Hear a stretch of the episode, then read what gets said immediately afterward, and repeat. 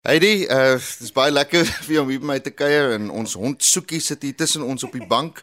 Ehm um, Soekie, dink ek weet nog nie is 'n tweeling op pad nie en sy gaan van haar troontjie afval. amper gebruik ek 'n sterker woord as afval. Maar ehm um, so daar's groot verandering natuurlik op pad, maar as jy nou vir my vra wat in my binneste aangaan, ek is buitengewoon, buitensporig opgewonde. Ek het verlang het um, ek en Katrien uh, was ons nie reg seker of oortuig dat ons self kinders wou hê nie, maar toe die besef by ons posvat, toe wou ons dit baie graag laat gebeur. En en toe gebeur dit en toe so waar is daar nou 'n tweeling op pad en 'n uh, twee identiese seentjies. Ons albei was by 'n ginekoloog gewees uh, met die eerste scan yeah. Ja. en ons albei het gelyk gesien um, dat daar 'n tweede sakkie is. Ons het eers net die een babatjie gesien uh, in die sakkie en die hartklopie geluister en dit was hierdie pragtige stil intieme oomblik in die spreekkamer. Ja. In die volgende oomblik, woep, dis dan net 'n tweede sakkie langs aan en ek het toe net eenvoudig 'n kragwoord geuiter wat RSG luisteraars se ore sal laat tuit, maar dit was net half 'n spontane oomblik. maar ek is baie opgewonde, maar ek wil ook saam met dit sê ek het geen idee wat eintlik op ons wag nie. Ek is um volledig onvoorbereid.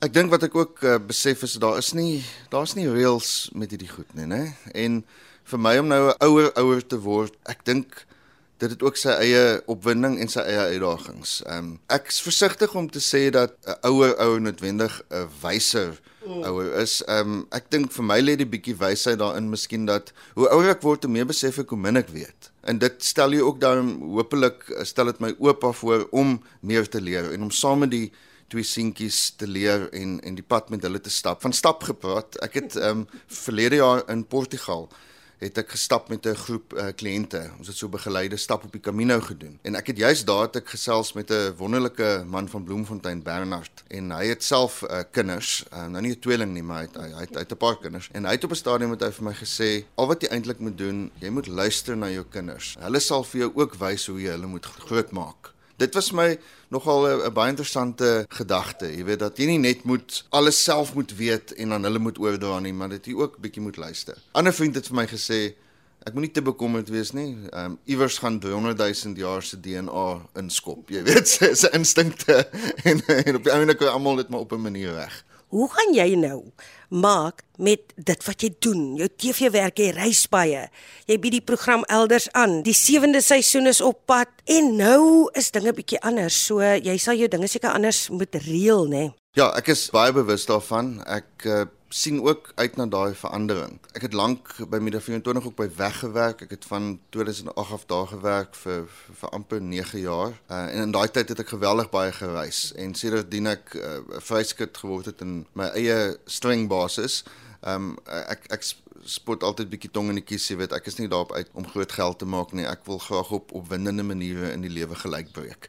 Jy weet, en uh, en en dit vind ek ek weet nogal reg met met reis. En ek is baie bevoorreg om waar ek nou sit 'n paspoort te kan hê met stempels van reise vir waarskynlik 2 of 3 leeftye. En ek sal definitief nog steeds vorentoe moet reis. Dis dis my hoofinkomste. Maar kom ons sê ek sal minder maar slimmer moet reis want ja. ehm ja. um, ek wil teenwoordig wees ehm um, tydens hulle groot word jare wanneer hulle klein is en en en dwarsdeur. Jy weet ek ek wil nie uitmis daarop nie en terselfdertyd moet ek ook vir Katerine ondersteun en ek wil dit baie graag doen ook, jy weet, want ehm um, iemand moet ook daar 'n um, bietjie na die maal kyk, né? En dit is die, dit is ook die, die pa se werk, ja. dink ek. So en jy sê ek het nou vir die rekord op die lig, né? Jy weet so ek wil daarbey bly want ek dink ook miskien is dit ook deel van ouer word as jy besef die lewe is baie kort en baie kosbaar. In 'n oogwink is dit hulle eerste skooldag en as jy jou oë twee keer knip is dit hulle laaste skooldag. Hmm.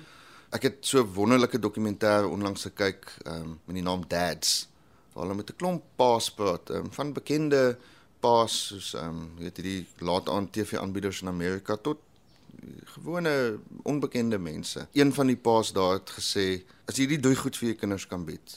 Eerste liefde, tweede geborgenheid, laat hulle veilig voel en die derde een is 'n goeie voorbeeld. Ja, as ek in daai drie dinge kan slaag, dan um, sal ek gelukkig wees. Absoluut. Ek glo dit met my hele hart. Ek hoor jy jy's 'n mannetjie wat nou deesdae gimnasium toe gaan. ek hou eintlik nog altyd baie van oefen. Ek was ek was op skool eintlik baie sportief. Ek dink mense wat my nou al op televisie gesien het sal baie verras wees om te hoor ek was 'n naloper in hoërskool gewees en ek het in die agterlyn uitgedraf daar by Tenaag by die hoërskool Brandwag. Maar ek is ook verskriklik lief vir eet en ek is ook 'n emosionele eter. Jy weet en en en dis maar hoe ek dikwels um, met stres werk as ek um, gaan gryp die soetgoed, jy weet, en ek klim in die koskaste in. En ek het nou juis nou in hierdie week op Facebook het ehm um, het iemand daarso uh, weet 'n uh, iemand was opreg uh, nuuskierig oor waar die plek elders is. Want mens hoor mos nou altyd op die weer, hier op RSG. Dis waar ek dit die eerste keer gehoor het. Hulle sê elders is dit mooi weer en warm. En toe het um, iemand op Facebook geroepe gevoel om onmiddellik te komment uh, onder daai vraag en te sê: "Vra daai ouers mannetjie wat die program aanbied, hy sal vir julle sê." So ehm um, ek dink dit was dalk vir my die laaste skop onder die alie om ehm um, te gaan gym. Ehm um, ek het vanoggend gaan gym uit. Ek was tussen 6 en 7 in die gym gewees. So ek hoop ek kan 'n bietjie uh, gewig afskud nou en dit so hou en dan wanneer ek nou by my teiken uitkom, dan gaan ek miskien vir daardie Facebook persoon wat nou naamloos bly 'n botteltjie ouers pos. Dis 'n briljante plan. Hoe sien jy die pad vir jouself vorentoe, Erns? So ons sal kyk wat die toekoms inhou. Jy weet, dit is maklik om nou hier beurtspraakig te sit en te dink, ja, kom ons kyk weer dalk dalk is ek so mal oor ouerskap dat ek eintlik ehm um, meestal by die huis wil bly, jy weet. En dalk is daar nog uh, tyd en plek vir uh, so oogappel-dogtertjie in die toekoms. Wie weet. Ehm um, ek is bitter opgewonde oor die twee seentjies. Ek meen dit is net so groot seëning. Die die blote feit dat ons ouers gaan word is is klaar so 'n enorme geskenk van die lewe self. Ek het nog planne en drome. Ek is baie lief vir die Elders reeks en ek sal baie graag in die toekoms elke jaar 'n Elders reeks wil skiet ons vervaardig saam met my span by Bonanza Films. Um en na lekker interessante plekke reis waar ek nog nie was nie soos Vietnam byvoorbeeld. Wyse vriend van my, uh, hy het self nie kinders nie, maar hy hy het vir my ook toe gesê hy dink kinders is 'n wonderlike manier om genees te word van jou eie agenda.